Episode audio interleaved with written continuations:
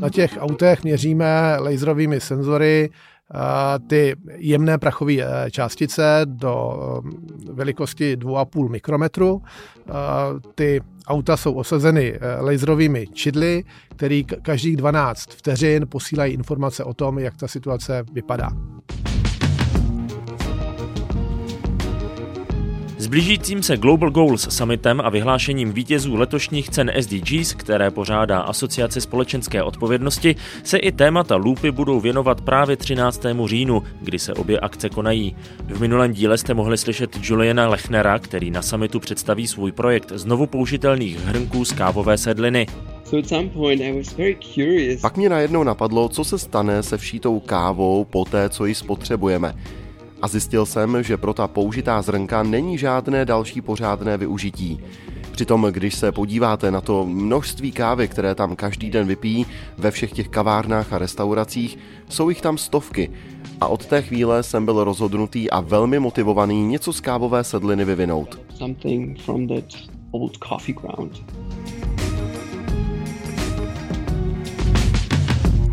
V tomto díle si popovídám s Milošem Malaníkem, ředitelem DPD Česká republika. Tato dopravní společnost taky podpořila ceny SDGs. Její kurýři nízkoemisně rozváželi k 3D tiskařům filament na výrobu plasteosaura. Říkám si, nevím, jak vždycky máme jako veganský ty eventy a jako tak potřeba nějakého bíložravce. A já jsem uh, našla vlastně uh, toho dinosaura, který žil v období pozdního triasu uh, na tom evropském původním kontinentu a byl to Plateosaurus. A ta moje vlastně vize byla, že toho dinosaura vyrobíme z recyklovaného plastu.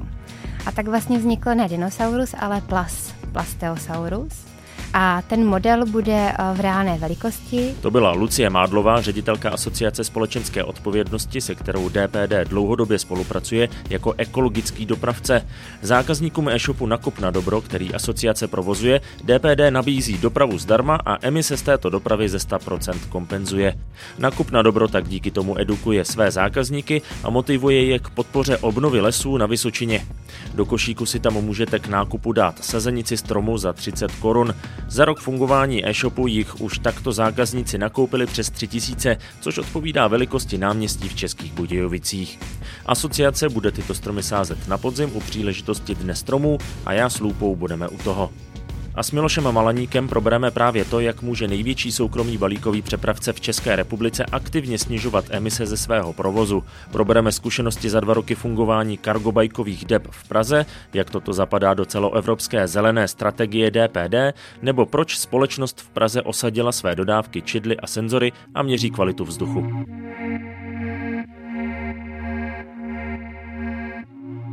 Připomenu, že Lupa Vojty Kovala vzniká za podpory zmiňované Asociace společenské odpovědnosti a ve spolupráci s Cira Advisory, poradenskou společností v oblasti udržitelnosti a cirkulární ekonomiky.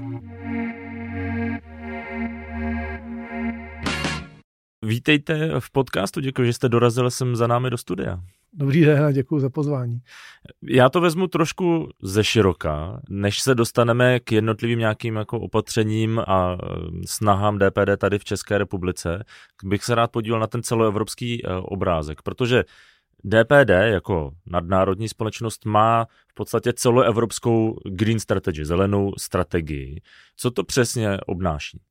DPD je vlastně největší evropský pozemní přepravce a před dvěma lety přijalo takzvanou eh, zelenou strategii, Green Strategy, a ten závazek byl, že do roku 2025 budeme doručovat ve 225 městech v Evropě eh, zcela bezemisně nebo nízkoemisně, abych byl přesnější, převážně elektromobily, pěšími kurýry a kargobajky.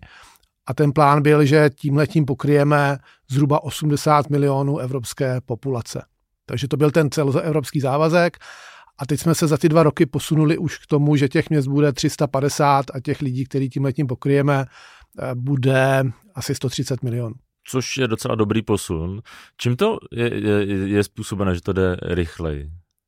No, nastoupili jsme do toho de facto po hlavě a i z toho důvodu, že vlastně my už v roce 2012 jsme se rozhodli eh, kompenzovat všechny námi vyprodukované emise a teď to je nejenom o tom, že je nebudeme kompenzovat, ale že je i nebudeme vytvářet.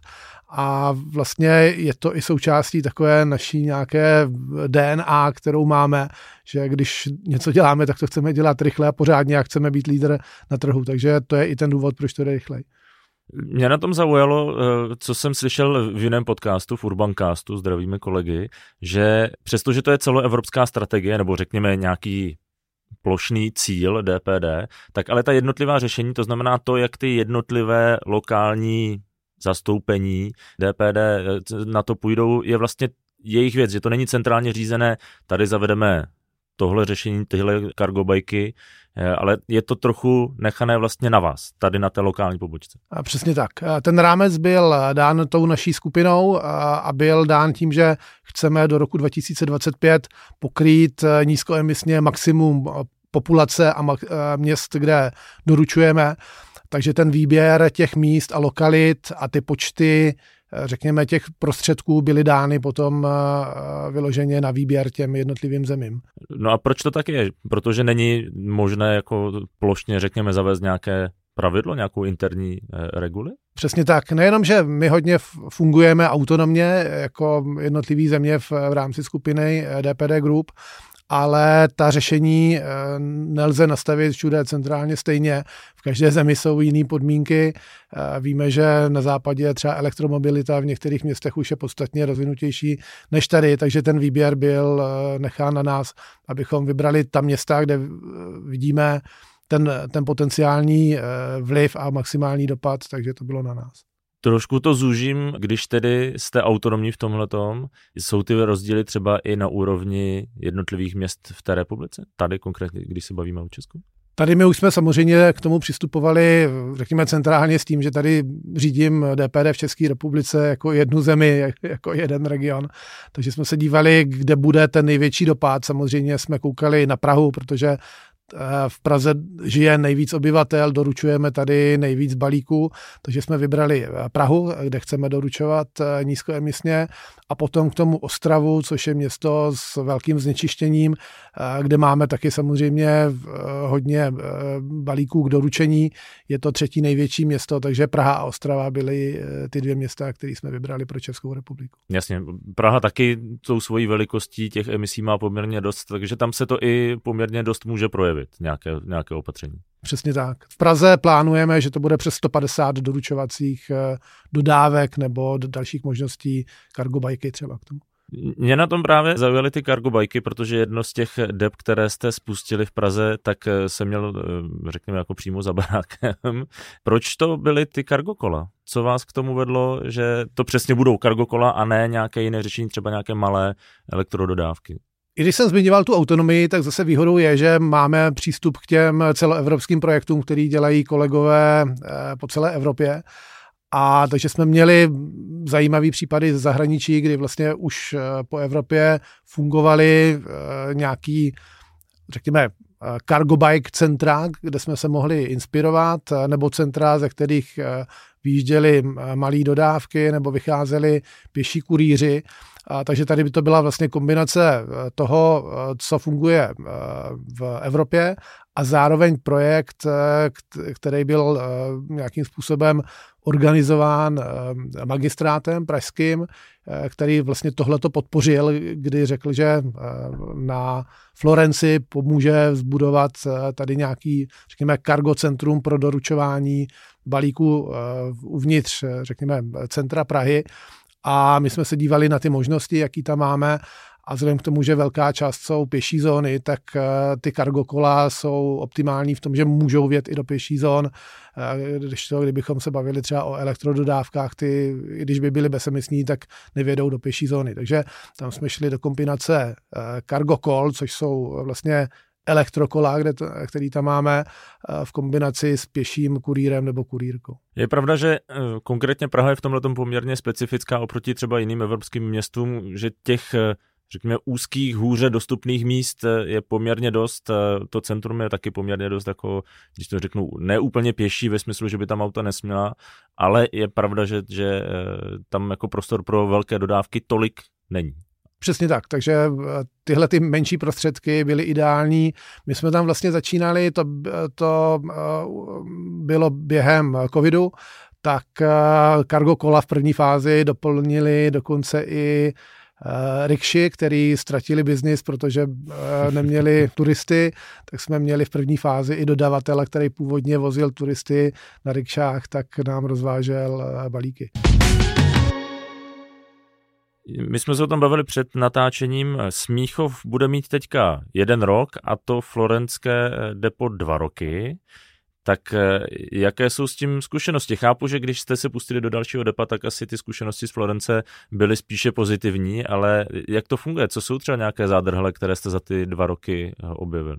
Já bych řekl, že těch zádrhelů je možná méně, než jsme čekali. My jsme vlastně Florence otvírali v listopadu a plánovalo se otevření už někdy v létě, když jsme říkali, to bude optimální, nabereme uh, cyklokurýry, pěší kurýry a, a, a bude to vlastně optimální období v roce, eh, vzhledem k tomu, že tam byla jako spousta, řekněme, faktorů z různých stran, tak to otevření bylo vlastně na zimu, jo, když to tak vezmeme a celou zimu doručovali pěší kurýři i cyklokurýři eh, v pohodě eh, na kolech, takže zima nebyl problém, my jsme právě nevěděli, jestli třeba v zimě nebudeme muset výrazně jako utlumit tu, tu činnost toho depa, Spíš tam byly problémy spojený ani ne s těmi technickými záležitostmi, ale takový, který nevymyslíte předem.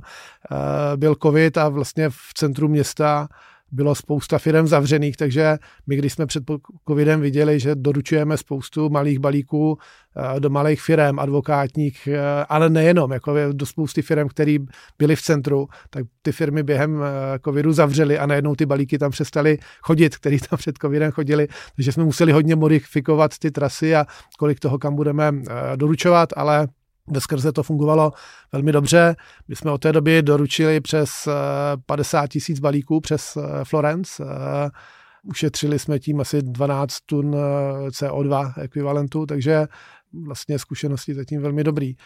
Dost často se nám tady točí taková ta mantra, že když je doručování na tom last mile delivery, že je to potřeba mít nějaký systém, mít vypočítané ty trasy, tak aby byly nějakým způsobem optimalizované. Jak moc je to nutné u těch bez emisních způsobů dopravy, u těch, u těch kol. No, každá ta trasa vlastně funguje úplně stejně jako naše tradiční trasa obsluhovaná autem, eh, kde my i vlastně zákazníkům posíláme takzvaný hodinový predikt, hodinový okno, kdy tam přijede náš eh, standardní kurýr. Tuhle tu informaci dostávají i zákazníci pro ty pěší nebo kargokola. kola a možná limit eh, tady pro, to, pro tenhle ten způsob doručování je velikost eh, zásilek. Samozřejmě eh, balíkové služby vozí standardně zásilky do 30 kg, kterou těžko jako může pěší kurýr doručovat v batohu, takže tam musíme jako rozlišovat tom, co ponese pěší kurýr a co poveze kargokolo. To kargokolo má za sebou zhruba kubíkovou bednu nákladní, ve které se vezou ty, ty balíky a pokud se sejde větší množství eh, větších balíků, tak se ten kurýr musí několikrát za den otočit zpátky na to, na to depo, aby nabral a znovu se vydal na rozvoz.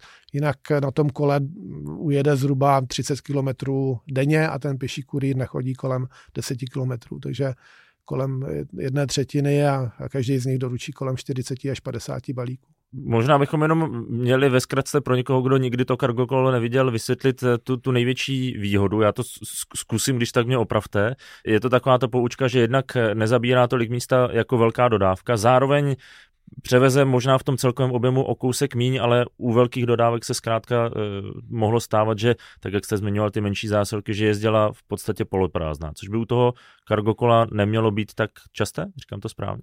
No my se snažíme, aby ani dodávky nejeli eh, poloprázdný, to znamená ten, ten prostor u těch eh, balíkových dodávek je využit skoro na maximum, ale vý, hlavní výhoda toho kargokola je opravdu, že se dostane v Praze přes ty pěší zóny eh, kamkoliv, kolo rychle jako může odstavit, Víte, jaký je problém třeba zaparkovat dodávku. Jako hodně naši kurýři řeší v Praze parkování. Eh, hodně řidičů si stěžuje na to, nebo i chodců, že eh, dodávky balíkových služeb chodí nebo stojí po chodnicích, ale vlastně ten kurýr má pár minut na to, aby doručil balíček, má jich, řekněme, 150 za den a potřebuje rychle někde zaparkovat, vyložit a, a často nemá kde zaparkovat, co s tím kargokolem je výhoda, že to kolo zaparkuje a, a jde doručit. Druhá věc je ta, že to kolo už nám několikrát ukradli, takže... Někdo sedl na naložené kargo kolo. Přesně tak, super. velmi rychle odpojil,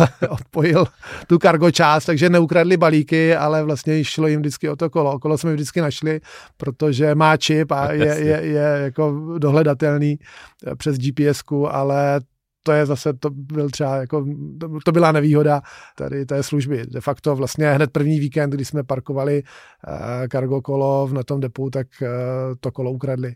Takže to, to byl asi největší zádrhel doručování kargo koly v Praze. Je pravda, že to mě asi nenapadlo teda. Vy jste zmiňoval ten objem emisí, eh, které jste ušetřili za tu dobu. Z toho já si eh, vycházím, že si tu svoji uhlíkovou stopu musíte poměrně pečlivě asi vypočítávat. Eh. Přesně tak. My od roku 2012, když jsem zmiňoval to, že kompenzujeme 100% uhlíkovou stopu, tak vlastně měříme emise na každý doručovací auto, kterým doručujeme. Jednou za čtvrt roku posíláme report, eh, kolik jsme doručili eh, balíků, kolik jsme vyprodukovali na všech těch eh, trasách emisí.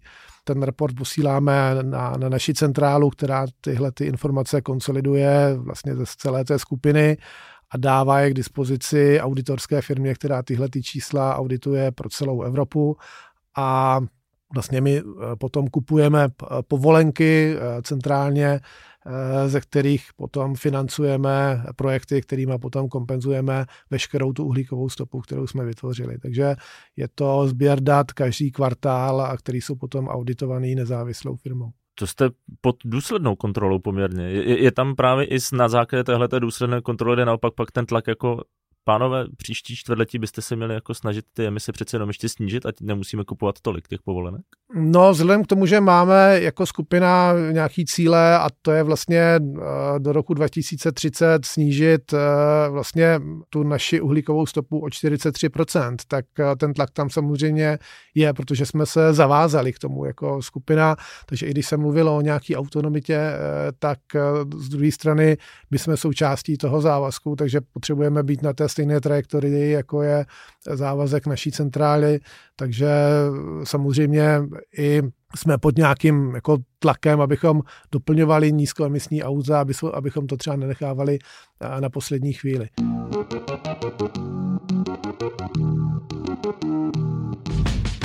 Jak už jsem na začátku říkal, DPD se rozhodlo, že v Praze spustí program měření kvality ovzduší. 70 dodávek osadilo senzory a další umístilo na budovy po celé Praze. Výsledky tohoto měření by pak mohly pomoct městu zavádět konkrétní opatření, můžou si je ale prohlédnout i občané, a to přímo na stránkách DPD. Ten RDIAK byl eh, takovej, řekněme, možná doplněk k tomu, čím jsme chtěli podpořit tu eh, zelenou strategii tady v Praze, abychom to mohli eh, i doplnit tím, že nejenom vlastně redukujeme ty prostředky, které vytváří nějakou stopu, ale snažíme se vlastně jako obecně o těch věcech komunikovat a umožnit sledovat tu uhlíkovou stopu když už v těch městech ty dodávky máme, tak na těch, na těch našich prostředcích. Opět eh, ten projekt RDIAC je součástí, eh, řekněme, eh, celoevropského projektu měření kvality ovzduší ve velkých městech. Když jsem právě mluvil o té zelené strategii a o tom dopadu na tu populaci v těch velkých městech, tak vlastně jsme přišli s projektem, že ve vybraných velkých evropských městech, když už se v nich pohybují naše auta, tak umožníme eh, sledovat kvalitu ovzduší, když to zjednoduším. A na těch autech měříme laserovými senzory eh, ty jemné prachové eh, částice do velikosti 2,5 mikrometru. Ty auta jsou osazeny laserovými čidly, který každých 12 vteřin posílají informace o tom, jak ta situace vypadá. Tímhle tím jsme vlastně chtěli přispět k tomu, že budeme dávat, řekněme, veřejnosti informace o tom, jak ta situace vypadá v tom jejich velkém městě, konkrétně v tomto případě eh, v Praze. A taky vlastně tyhle ty údaje v těch městech poskytujeme eh, vlastně municipalitám, aby se mohli třeba rozhodovat o tom, eh, ve kterých místech vytvoří nějaký nízkoemisní zóny, nebo jak vlastně, vlastně zlepšovat kvalitu v ovzduší na těch hotspotech, kde to je nejhorší. Kde je ten největší problém? Tam je asi velká výhoda to, že to nejsou stacionární měřidla. Města mají osazená některá ta místa, můžou si je vytipovat dopředu, řekněme, ale vy poskytujete vlastně reálná data v reálném čase a skutečně tím, jak projížděte tím městem, tak je to poměrně, bych možná řekl, o to přesnější? No přesně tak, já bych řekl, že to je proti tomu, co tam města standardně mají, eh, jako kvantitativně úplně jako jinde, protože tam města to mají většinou na těch nejhorších místech stacionárně a potom dopočítávají přes různé modely, jak to může vypadat obecně v celém městě. Konkrétně třeba v Praze my ty čidla máme na 70 dodávkách a 20 stacionárních místech. Většinou to jsou místa, kde třeba máme eh, výdejny balíků. Jo.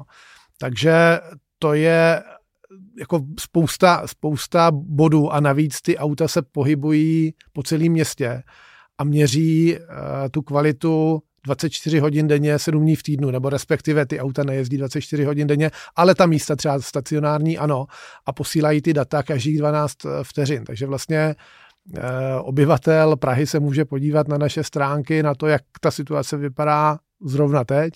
Když si třeba chce jít zaběhat, tak si řekne, je ta situace lepší, než je doporučený limit, nebo nebo jestli je horší. Samozřejmě tam je jako na tom obrovská výhoda i té progrese v tom čase, to znamená i co se týče potom nějakého zpětného vyhodnocení, to, že prostě v daný moment eh, je někde hotspot, neznamená, že tam bude eh, mimo tu špičku a mimo tu špičku může být ten hotspot někde jinde. Určitě. My jsme, když jsme se koukali na ty data, protože jsme ten projekt zahajovali zhruba před rokem, eh, loni v létě, tak eh, vidíme, že tam jsou samozřejmě eh, lepší a horší měsíce. Teď třeba, když hodně prší, tak jsme byli překvapeni, eh, jak se ta hodnota jako snížila, protože obecně ty hodnoty byly velmi špatné, když jsme koukali na to, jaký máme hodnoty v Praze v porovnání s těmi hodnotami, které sledujeme u kolegů z jiných evropských měst, tak ta Praha vycházela úplně nejhůř a byla ještě nad těmi doporučenými limity VHO. A když jsme se dívali na ty čísla, jak to vypadá teď, než jsem šel vlastně na ten rozhovor, tak jsme zjistili, že teď v době těch velkých dešťů, tak ta situace je podstatně lepší, protože měříme ty mikroprachové částice a ten dešť tomu samozřejmě pomáhá. My to tady v podcastu opakujeme pořád, je potřeba, aby pršelo častěji. Chápu, eh, že ta data můžou využít města. Eh, jaká je odezva tady vlastně? Daří se jakoby na základě těch dat reálně něco doporučovat něco měnit? My jsme městu ty eh, data nabízeli, řekněme, možná i z více stran. Eh, v současné době máme odezvu takovou, že o tom vědí, ale zatím víme, že nejsou aktivně využívána, takže se snažíme promovat eh, to využití těch dat aspoň, takže je nabízíme na našich stránkách, kde máme mikroportál, kde si každý uživatel může vlastně, nebo se může podívat na to, jak ta situace eh, vypadá v jeho bydlišti, ale zatím město ty data nevyužívá, když jsme je nabídli. Tak my než postříháme podcast, tak tady bude dost možná nové složení magistrátu, tak vím to, když tak pošlem nějakou potrubní poštou, uvidíme, uvidíme, jestli na to zareagujou. Naopak, když se na to podíváme z, z vaší strany, z hlediska toho doručovatele, jsou to nějak data, která vy můžete využít a nějak jako zapracovat i v té, tak jak se o tom pořád bavíme v rámci té vaší strategie, zavést konkrétní řešení tady na úrovni Prahy? Já bych řekl, že vlastně ty data pro Prahu obecně nepotřebujeme pro nás využívat eh, pro nějaký plánování, protože když jsem zmiňoval ten náš závazek doručovat v Praze do roku 2025 eh, nízkoemisně a zavést elektrododávky primárně, tak my je budeme zavádět vlastně všude v celé vnitřní Praze. To znamená, už nebudeme vybírat ty místa, kde jsou třeba teď ty nejhorší hotspoty a tam začínat nejdřív. Prostě teď už půjdeme plošně na Prahu s tím, že celou vnitřní Prahu chceme doručovat eh, primárně elektromobily, takže ta data v tom detailu nějaké trasy nevyužíváme. Navíc my už teď máme vlastně na všechny naše konvenční dodávky minimální požadavek na Euro 5 nebo Euro 6. Jo, většina těch dodávek, i když jsou konvenční, tak jsou Euro 6, takže už jako nepůjdeme cestou, že bychom to jako to měření využili pro nějaký detail jako výměny aut na našich trasách. Pak už budou elektrododávky všude. Jasně, v ideálním případě by se to mělo nahradit kompletně. A je pravda, že tam u té elektromobility bude nejvíc záviset přesně na tom vašem plánování tras, to znamená, pokud se bude nějakým způsobem budovat infrastruktura, tak to musí vycházet v rámci toho vašeho, eh, řekněme, trasování po Praze. Určitě, ta, ta infrastruktura veřejná je hodně důležitá. Já když jsem třeba zmiňoval ten, ten závazek, který vznikl před dvěma lety a bylo tam 225 měst a teď už vlastně jsme se posunuli na 350, tak on vlastně vychází z toho, že hlavně v těch eh, západoevropských zemích ta veřejná infrastruktura se budovala a buduje podstatně rychleji. Takže eh, se dá eh, vlastně ta progrese urychlit, protože se dá dobíjet. My teď vlastně jdeme trošku pomalej v tom, že eh, i kdybychom si řekli, nasadíme tady 150 elektromobilů, že bychom je pořídili hned teď, tak za prvé teď auta obecně nejsou, takže na ně budeme chvíli čekat eh, a budeme, nebo chvíli, budeme na ně čekat podstatně díl, než když jsme tuhle tu strategii jako přijímali, protože obecně o ně teďka zájem, ale asi bychom je sehnali dřív než do roku 2025. Ale zároveň se bavíme o tom, že na našich depech budeme muset eh, dobudovávat nějakou síť elektronabíječek, protože se nemůžeme spolehnout na to, že všichni naši dopravci a jejich kurýři si dobíjí jenom na té veřejné síti. Takže to bude muset být kombinace dobíjení eh, doma ve veřejné síti a na našich depech, tak abychom všechny tyhle ty auta uměli pravidelně každý den nabíjet. Což taky není úplně jednoduchý proces zavést si dostatečně výkonu eh, nabíječku, respektive eh, nechat si, při, řekněme, přiřadit ten příkon vlastně na ty nabíječky, tak není úplně jednoduchý proces sám o sobě. Jo, je to vlastně proces, projekt pro každý depo. My těch eh, dept tady v Praze, se kterých budeme doručovat do té vnitřní Prahy, Máme minimálně tři, možná budou čtyři, takže v každý to depo, který nebylo třeba v minulosti stavěno s tím, že tam budou elektronabíječky, tak eh, zajistit eh, tím potřebným příkonem. Takže je to, co jde po to projekt, eh, to stavební řízení, povolení a tak dále. Takže proto to nejde tak rychle, jako bychom třeba si přáli, protože kdyby tady byla veliká veřejná síť, tak můžeme říct, pořídíme auta a jedeme, ale my to musíme doplnit s těmi našimi elektronabíječkami.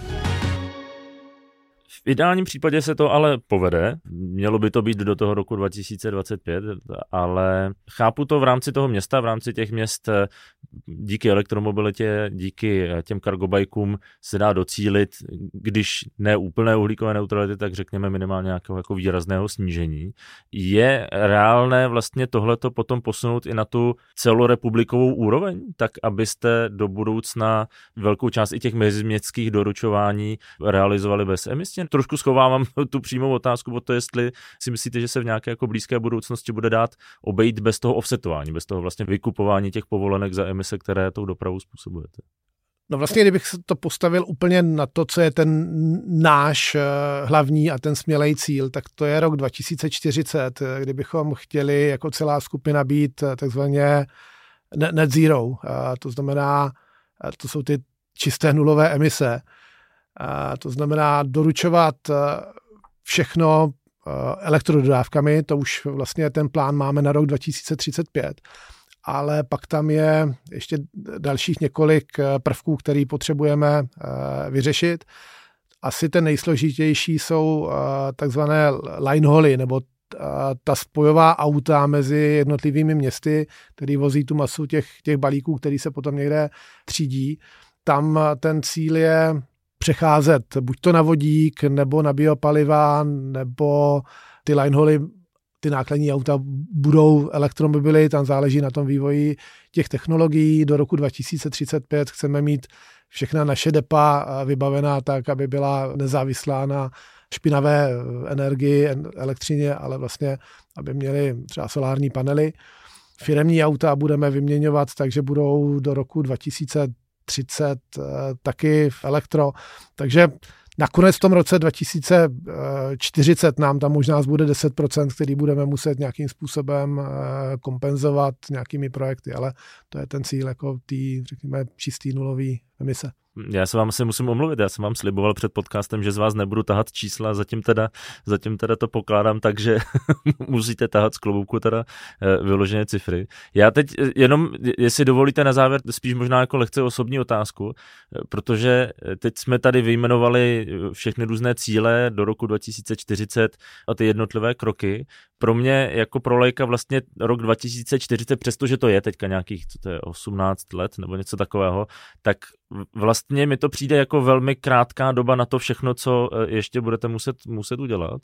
Předpokládám, že eh, na to se člověk musí umět naladit, eh, na tenhle ten kalendář, že vy jako šéf českého DPD prostě nad tím nemůžete přemýšlet jako co máme splnit teď jako znova, že se to chce trošku v hlavě nastavit ten mindset jako takhle to bude a vlastně o tom jako svým způsobem nepochybovat. Určitě, ono se to nedá jenom řídit tak jako nějaký projekt, že se udělají nějaký milníky, řekne se lidem, tak začněte projekty, abychom ty milníky eh, dosahovali, ale obecně, a když já jsem na začátku zmiňoval něco, co jsem nazval DNA, tak jde o to, aby takhle přemýšlela celá firma, naši dodavatelé, protože jako zásilky doručujeme přes naše dopravce, eh, aby vlastně věděli, eh, co děláme, proč to děláme a vlastně, aby v tom eh, módu té celofiremní udržitelnosti vlastně všichni přemýšleli. Takže ne, to není projekt, který řídí někdo z centrály s tím, že jsou tam nějaký milníky, ale je to vlastně projekt o tom, jak se chceme jako firma na tom eh, trhu eh, chovat, proč to chceme dělat. A je to vlastně o tom, řekněme, i nějakým vzdělávání a informovanosti vlastně všech našich partnerů, zaměstnanců, a proč to děláme, že to je důležitý nejenom pro náš biznis, ale i pro ně a pro nějaký další generace a proto, abychom byli součástí nějaký udržitelné společnosti. No tak já každopádně budu držet palce, ať se to daří eh, ty milníky naplňovat, byť to je v DNA, tak milníky se přece jenom musí plnit, tak eh, ať to jde co nejhladčeji, ať se nám tady, že to řeknu velmi zjednodušeně, všem lépe dýchá. Děkuji, to je naším cílem. Díky moc za rozhovor. Díky za pozvání.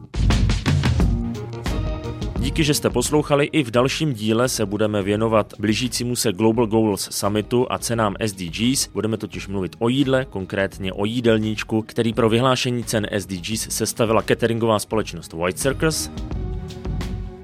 Novou epizodu najdete tradičně už za týden na vašich oblíbených podcastových platformách nebo na webu podcastloopa.cz. Do té doby se mějte krásně a žijte udržitelně.